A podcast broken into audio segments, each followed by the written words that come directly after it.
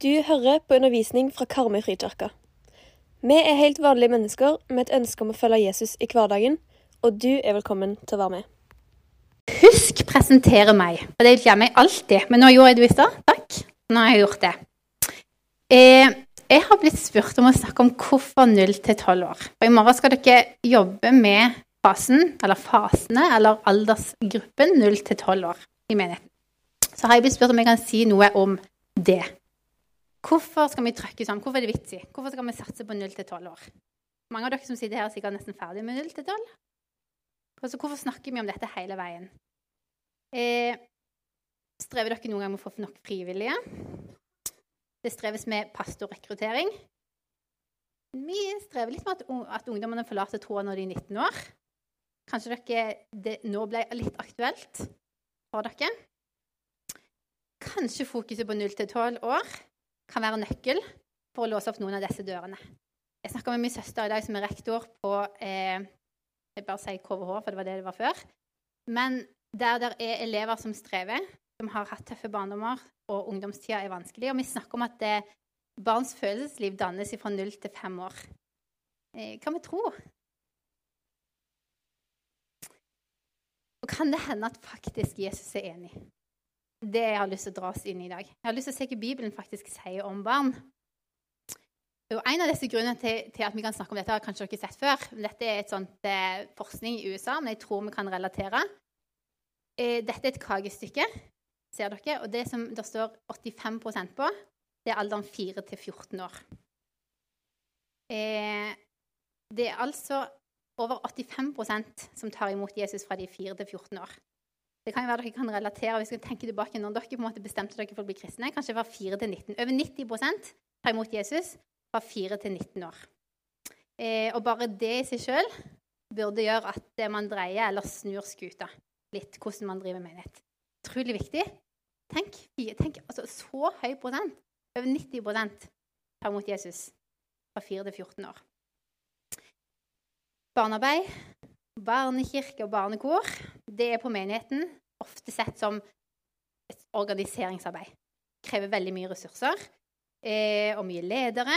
Og jeg har sjøl vokst opp i en sier, traust kristen familie. det har jeg, Der min far var leder på nesten alt jeg var med på. Eh, men jeg kan på en måte huske at det var veldig sånn enveiskommunikasjon. Den voksne den forteller fra Bibelen, og vi barna vi lytta. Vi fikk lov til å delta litt, selvfølgelig. Vi sang jo eh, solo, og vi fikk være sånn sau. Hvis vi var heldige, fikk vi være Maria i julespill. Eh, eh, men det var liksom de voksne som bestemte. Og det tror jeg er ganske vanlig fortsatt, og sånn skal det jo på en måte være òg. Men det var lite fokus på at oss barn skulle få en intim og nær relasjon til Jesus. Er vi opptatt av det? Og hva er Jesus' syn på barna? Hva sier Bibelen egentlig om dette? Og Det har jeg lyst til å snakke om. Hva Bibelen sier. I Johannes 2,14, 1. Johannes 2,14 så står det Ja, barn, jeg har skrevet til dere fordi dere kjenner far. Dere unge, jeg har skrevet til dere fordi dere er sterke. Guds ord blir værende i dere, og dere har seiret over den onde. Hvis dere hører etter hva det egentlig står Det står at barna, de kjenner far. Og Guds ord blir værende i dem. Så da vet vi det. De kjenner far, og Guds ord blir værende i dem. Og det, det vi tror barn kan, det avgjør òg våre forventninger til barna. Det vi tror at de kan, det avgjør våre forventninger. Har vi tro på at Bibelen faktisk, at det Bibelen sier om ungene, er sant, så vil det òg gi oss en større forventning til ungene, tror jeg. da. Og så tenker jeg, Hva om vi hadde Jesus sitt syn på barns åndelige kapasitet? Eh, Gud, han altså Vi ser det jo i flere bibelhistorier at når David ble valgt til konge, var det jo de store, sterke brødrene som ble sett på først. For de var av utseende større, og de var jo voksne. Men det var den lille gjetergutten som en måte bare kunne gjete sauer. Han var det ingen som tenkte på. Eh, og Gud han sa i den historien der at han ser til hjertet. Han sier dere mennesker dere ser på det ytre, men jeg ser til hjertet. Og Gud sa om David allerede da at han var en mann etter Guds hjerte. Så Gud visste allerede, når David var en liten gutt, at han var en mann eller en gutt etter Guds hjerte. Det samme med Samuel selv. Jeg synes egentlig det er litt sånn komisk med Samuel. Fordi at han ble jo kalt på av Gud sjøl når han var en liten gutt. Han ble jo ropt 'Samuel, Samuel'. Vi har jo alle hørt den historien. At ikke Samuel sjøl kanskje catcha at kan det være David. Og han ble òg utvalgt når han var bare en liten gutt. Og så står det i Lukas 18 at Guds rike hører barna til. Vi synger jo 'Guds rike hører barna til', og så synger vi det litt sånn det er søtt og fint med barn i Guds rike. Men det det faktisk betyr, er at barn altså Gud, Når vi snakker om dette til voksne i en andakt, så sier vi at Guds rike er kommet nær til oss voksne. At vi skal få del i alle gaver og utrustninger som Gud har gitt oss, for Guds rike er nær. Det er kommet nær til barna òg. Vi har like stor del i Guds rike som det oss har. Og Hvis ikke vi tenker ut fra hvordan Jesus ser på barn, så blir det alt vi gjør, bare en aktivitet, et oppholdssted eller barnepass. Og uten å ville det, eller kanskje vite det, så er det fare for at vi holder ungene våre tilbake. I Salme 139 så kan vi lese Da jeg bare var et foster, så dine øyne meg. I din bok ble de alle skrevet opp, de dagene som ble fastsatt da ikke en av dem var kommet. Og det står òg du, du har skapt mine nyrer, du formet meg i mors liv. Så vi vet at Gud ser oss og har en plan for livet vårt før vi er født. Han har formet oss, og han har fastsatt alle dagene våre, helt fra vi er bitte små til vi er voksne og gamle. Og så er det jo den tydelige historien som er nevnt i evangeliet, når de bar små barn til Jesus, og disiplene stopper de og sier ikke 'forstyrr Jesus', og Jesus blir sint og sier 'la de små barna komme til meg', hindre dem ikke, for Guds rike hører slike til. Og så fortsetter han. Den som ikke tar imot Guds rike som et lite barn, skal slett ikke komme inn i det. Og han tok dem på fanget og la hendene på dem og velsignet dem. Her viser jo Jesus at ungene skal ha plass, og at de skal prioriteres. Han sier, at, han sier at barn er forbilder for oss voksne. At vi må ta imot Guds rike som et lite barn for å komme inn i det. Og hvordan tar barn imot Guds rike? De er åpne, og de er ukritiske, og de svelger rått det som blir servert i barnekirka, eller det du kanskje sier hjemme som forelder. Eh, de ber for sykdom og fattige barn, som, og de tror vi på en måte hele seg som ikke det fantes noen andre alternativer. For et par år siden så var sønnen min på elleve år Han hadde bedt for en i klassen som var syk. For et par år siden så vet dere at det var korona. Og han ba veldig sånn spesifikt. Han ba sånn 'Kjære Jesus, jeg ber om at denne her vennen min skal bli frisk og komme tilbake inn i morgen på skolen.' Eh, og det Vi ba for det, og det var greit. Og kvelden etter så er han kjempehappy. Han kom hjem. og er 'Mamma, jeg har fått bønnesvar. Han har kommet tilbake.' Og mitt voksne sinn tenkte ja, det kan jo være du fikk bønnesvar, men det kan jo være at han bare var hjemme fordi han var litt snufs pga. korona. tenkte jeg. Det samme tenkte lillesøster Ella. Og hun sa det er ikke sikkert du fikk bønnesvar. Så, men hun stoppa ikke der. Hun fortsatte. Det kan være det var noen andre som ba før det. Så det at Gud var inne i bildet, det var ikke diskutabelt. Men at det var noen andre som kanskje ba først Kanskje. Men det er litt sånn fint bilde på hvordan barn tror. Videre så kan vi se at i Bibelen at en av disiplene spør Jesus hvem er størst i himmelens rike. Og da synes jeg Det er så fint det bildet. Jeg ser for meg på en måte hvordan de på en måte kanskje litt sånn, de føler seg jo nær til Jesus. De er utvalgt av han, føler seg kule, føler seg litt sånn oppe. Og så spør de Jesus hvem hvem er størst i himmelens rike. Og så roper han midt i forsamlingen der på et lite barn. Og så stiller han det midt iblant dem, på en scene, i den tida. Og så sier han Sannelig, jeg sier dere, uten at dere omvender dere og blir som et lite barn, kommer dere slett ikke inn i himmelens rike. Den som gjør seg liten som barnet, han er den største i himmelens rike. Og den som tar imot et slikt barn for mitt navns skyld, tar imot meg. Og Igjen snakker Jesus om at vi må bli som barn og vise til barna som forbilder for oss. Jeg hadde en erfaring en sommer som endra synet mitt på barn og tro utrolig mye. Vi var på camping på Solstrand. Vi hadde akkurat fått campingvogn. og Solstrand det er på Vigeland. Og Vigeland ligner er bare 20 minutter fra hverandre. Så det er egentlig veldig rart å være på camping der. Men mannen min hadde ikke fått lappen ennå, så min far måtte kjøre campingvogna for oss. Så Derfor så var vi på en nærme plass. Kanskje litt gudfeldig. Det var de frie evangeliske som hadde bibelcamping denne uka. Og det var litt friere enn jeg var vant til både i frikirka og på bedehuset. Så det var litt Oi. Ja. Det var litt fritt. Eh, ja. Så eh, det var detaljene rundt. Uansett. På et av barnemøtene så satt jeg litt bak med minstejenta. Mens minstejenta var bare ett år, så vi satt litt bak. Og så satt ungene spredd rundt i salen. Og så var det ei skjønn dame med gitar som gikk sånn rundt og samla inn ungene før barnemøtet. Og så sa hun ja, og nå skal vi ha ordet fritt. Vi skal ha vitnemøte, sa hun på barnemøtet. Og jeg tenkte bare det blir jo full kaos. Det kommer jo aldri til å gå. Satt jeg jo bak og tenkte Den første som reiser seg, er min datter. Min eldste datter på åtte år gikk fram på scenen. Det ble ganske stille i fordømmelsen min, eh, for å si det sånn. Og så ble jeg litt sånn Hva skal hun si nå, tro? Men hun tok mikrofonen, og så begynte hun å synge med klokkeklar stemme. Ja, jeg vet at Jesus bryr seg om meg. Bryr seg om meg. Ja, jeg vet at Jesus bryr seg om meg. Bryr seg om nettopp meg. Og det var utrolig sterkt. Og lederen bekreftet så fint mens hun sang. Sa hun sånn Ja, Jesus. Takk, Jesus. Og når hun var ferdig, så sa hun Tusen takk for at du delte. Tenk at Jesus elsker nettopp deg. Tusen takk for at du kom fram. Jeg kjente at jeg måtte kjempe med tårene og delvis skam. Det ble en sterk erfaring for meg, for det åpna tankene mine om at jeg på en måte hadde begrensa Gud.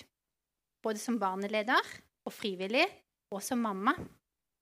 Både til ungene og min egen velsignelse. Så vi ser at Jesus han setter barna høyt. Guds rike er kommet nær til ungene. Akkurat sånn som vi voksne har fått tatt del i Guds rike. Med alle gaver og løfter så har ungene òg det. Så ifølge Jesus så kan ungene kjenne Gud som sin skaper. De kan oppleve han og kjenne han som sin frelser. De kan ha han som herre i sitt liv, og de kan være fylt av Den hellige ånd. Tenk tilbake på når Elisabeth var gravid med Johannes, og Maria kom på besøk mens hun var gravid med Jesus. Så står det i Lukas 1,44.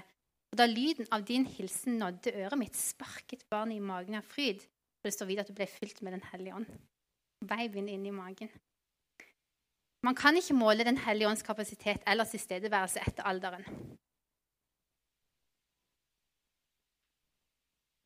Mm. Er dere her? Er dere våkne? Det er bra. I Salomos ordspråk så står det 'Lær den unge veien han skal gå, så vi kan ikke fra når han blir gammel'. Og Det er det vi har lyst til. Vi har lyst til å lære ungene våre veien. Det er det vi vil.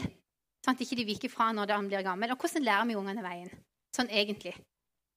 Jo, jeg tror vi, for at de skal lære veien, så må de bli kjent med Jesus. De kan ikke bare høre om han, om hvordan han er, men de må lære seg om hvordan han virkelig blir kjent med han. Når vi blir kjent med folk, så hilser vi på, vi snakker sammen, så reiser vi kanskje på tur sammen. Og så gjør man noen erfaringer sammen som gjør at man blir kjent.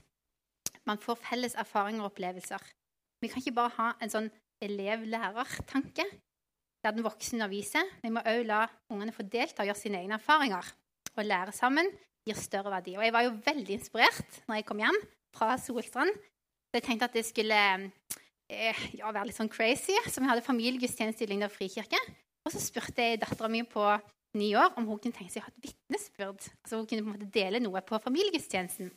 Så hun og ei venninne, de var ni og ti, de skulle ha vitnesbyrd. Og, og jeg prøvde på en måte å lede de litt inn, for vi skulle ha nattverd.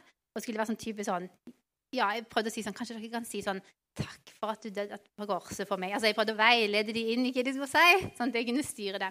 Og de var veldig dedikert til oppgaven. De ba eh, over det.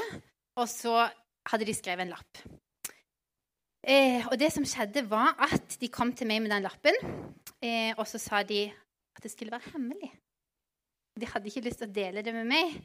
Det skulle være en overraskelse for menigheten. Eh, da kom jeg litt i konflikt med meg sjøl. Skulle jeg la de få lov til å gå opp på scenen og lese noe som jeg ikke hadde godkjent på forhånd? Men så tenkte jeg å forstå i det. De får gå opp og ha vitnesbyrd uten at jeg har sett det på forhånd. For å være ærlig så sto vi i en veldig utfordrende tid i menigheten. Mye konflikter og uenigheter, sykemeldinger blant personal og pastor. Og når Ella leste opp lappen, så var det ikke lett å ikke bli berørt av det som sto. Jeg går i kirke fordi det er gøye historier, og det skaper vennskap. Det er et sted der alle kan være seg selv, og ingen er bedre enn andre. Det er et sted jeg har vokst opp, og skal fortsette å gjøre det. For meg ble det en påminnelse om hvordan Gud taler gjennom barn. Kanskje ikke med voksne sine ord, men det trengte menigheten å høre. Ikke det jeg hadde foreslått, men det Gud hadde lyst til å ta deg gjennom de. Vi er her. Ingen er bedre enn andre. Lyngdal frikirke vi skal fortsatt være her. Vi har alltid vært her. Ikke sant? Fint hvordan Gud kan snakke gjennom barn. Så enkelt og egentlig så tydelig. Eh, for i november som Nå er det snart et år siden. November i fjor så mista vi vår svigermor. Vår svigermor, sier jeg. Ungene mine mista bestemor. Jeg mista min svigermor. Hun var 60 år. Døde av kreft. Eh, hun hadde vært syk en stund, men hun var veldig frisk mens hun var syk. hvis dere forstår.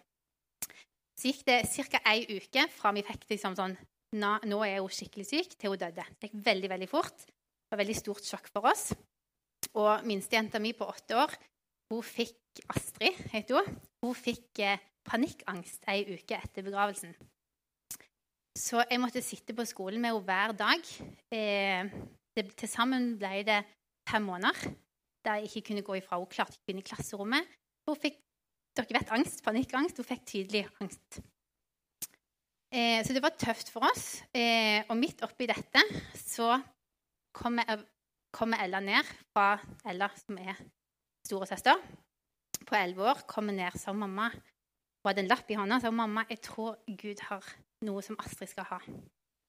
Som jeg har fått, som jeg har lest i Bibelen. Så jeg, ok, fint, liksom, du skal, du lyst til å gi den sjøl? Ja, hun skulle gi den til Astrid. Skal lapp, denne her lappen Astrid, kan du ha på skolen i lomma di. Så dere får se hva som sto.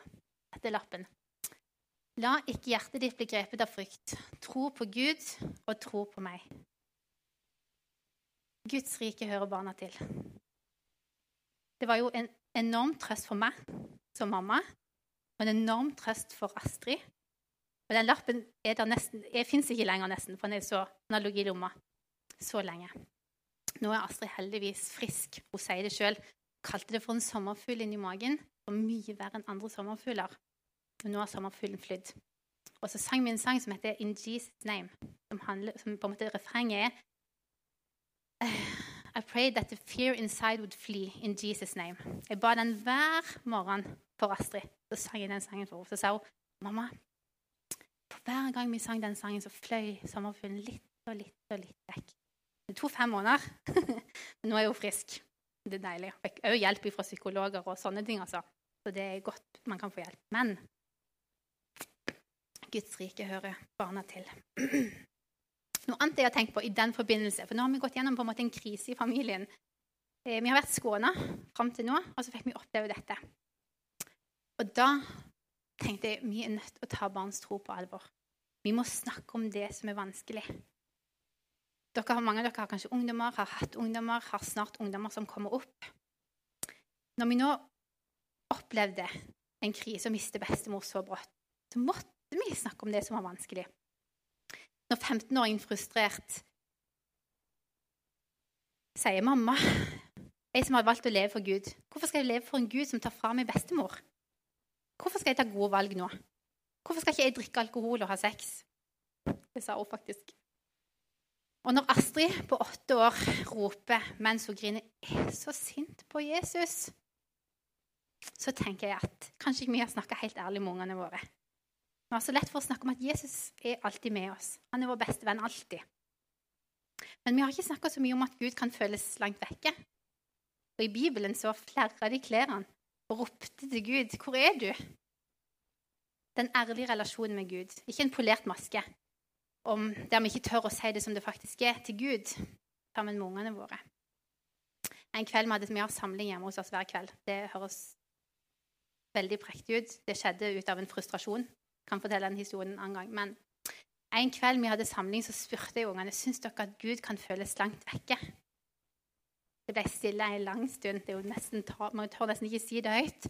Men Man har ikke lyst at ungene skal kjenne at Gud er langt vekke. Man orker det nesten ikke. Alle, alle nikka. Ja, noen ganger. Og så hadde vi en fin prat om at vi vet noe om Gud. Vi vet at noe er sant om Gud. Men så kan følelsene våre være noe annet.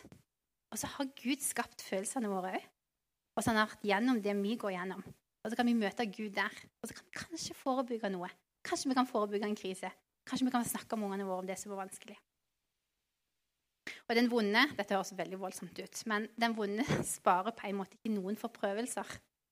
Ikke for ungene våre heller. De er like stort bytte som oss andre.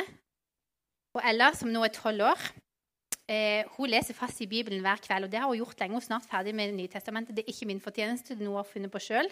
Det er jo eh, Gud, snart, da, men det er ikke meg. men helt fra hun var liten, så har hun hørt Guds stemme ganske ofte. har vi merket. Og En kveld for ikke så lenge siden så kom hun ned på kvelden fordi hun ikke fikk sove. Altså, du ser på hele kroppen at hun er plaga av noe. Hun skjelver, hun griner. Eh, hun, er så, hun, er veldig opprørt. Og så Etter en stund så forteller hun hva som plager henne. Hun savner bestemor. Dere skjønner bestemor var en, stor dame for oss. Nå savner bestemor veldig. Og så hadde hun fått noen tanker i hodet sitt som kom, som sa at kanskje det er ikke sant alt dette i himmelen. Kanskje ikke det er sant at de kristne kommer til Jesus. Og så ble det så vanskelig. Hun fikk sånn enorm konflikt med noe hun trodde, men så tenkte hvis ikke det er sant. Det var vondt å se hvor prega hun var av tvilen som kom snikende i mørket. Og jeg ba for henne lenge. Jeg ba om at hun skulle få fred, og at hun skulle få kjenne at det var sant, det hun tror på, og vet så godt. Jeg merker hvordan hele kroppen bare slapper av. Så sovna hun fort etter det. Kvelden etterpå så hadde hun lagt det igjen, så hørte jeg beina i trappa igjen. Tenkte, Søren, Nå kom hun igjen. Men så kom hun smilende mot meg med Bibelen så sa hun, 'Se, mamma. Se hva Gud sa. Se på bønnesvaret jeg fikk.' Og her har hun strøket over i Bibelen. Kjære søsken, når noen dør, vil jeg ikke at dere skal sørge på samme måte som de som ikke kjenner Gud. De har jo ikke noe håp om et godt liv etter døden. Og dere som tror at Jesus døde og sto opp igjen, skal vite at de kristne som dør, vil bli ført til Jesus. Snakk om å få skriften på veggen. Skjønner jo at det frister litt og rister litt i den forbindelsen hun har oppover. Vi kan smile litt av dette, og vi kan bli rørt av det. Men det vi må lære, er at vi er nødt til å ta barns tro på alvor. Den er ekte, og Guds rike kommer nær til de, akkurat sånn som oss. I Salme 8,3 så står det Fra småbarns og spedbarns munn har du reist opp et vern mot den som står deg imot, for å gjøre ende på fienden og hevneren. Gud har reist opp et vern fra småbarns og spedbarns munn. Det er noen som har tenkt at dette er, står i salmene, at det er en profeti om Jesus. Fra småbarns og spedbarnsmunn har du reist opp et vern. At det er Jesus som er det som det siktes til her. Men senere i Matteus 21 så er det Jesus som refererer til akkurat dette som står i salmene. Jesus han har ridd inn i Jerusalem palmesøndag. Det er masse folk rundt i byen. Han kom inn på tempelplassen, og vi kjenner jo historien at de sitter og selger boder, og Jesus blir veldig sint. Og jeg tipper det var garantert veldig mye folk rundt. Mange barn og mange voksne, og både rike og fattige barn. Eh, og så står det at Jesus han jagde ut de som satt med boden og velte border og benker. Og så sier han mitt hus skal være et bønnens hus. Og midt oppi dette kaoset så kommer det bort blinde og lamme, og Jesus helbreder de der og da. Og ungene så står det barna som er rundt på plassen, ser dette. Og så kan det virke som de på en måte skjønner hvem Jesus er. Og så begynner de å synge. bryt ut i lovsang. Så synger de 'Hosianna, Davids sønn'. Så kommer det videre fra vers 15. Men da overprestene og de skrifter det så undrene han gjorde, og hørte barna som ropte i helligdommen 'Hosianna, Davids sønn', ble de forarget og spurte han, 'Hører du hva de sier?' Akkurat de sa litt sånn, 'Hører du, Jesus, hva de sier?' Disse her små. Hvordan vet de hvem Davids sønn er?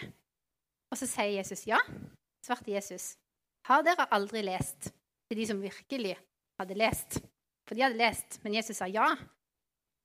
Har dere aldri lest? Fra småbarns og spedbarns munn har du latt lovsang lyde. Barn som synger. Hvorfor er barns lovsang så mektig? Den kommer uten motiv. Vi søker Gud ofte når vi trenger noe. Eller jeg kjenner, jeg kjenner meg jo sjøl godt. At det er liksom lett å søke Gud når jeg trenger noe sjøl, eller når jeg leter etter svar. Men barns lovsang den er ren og hellig.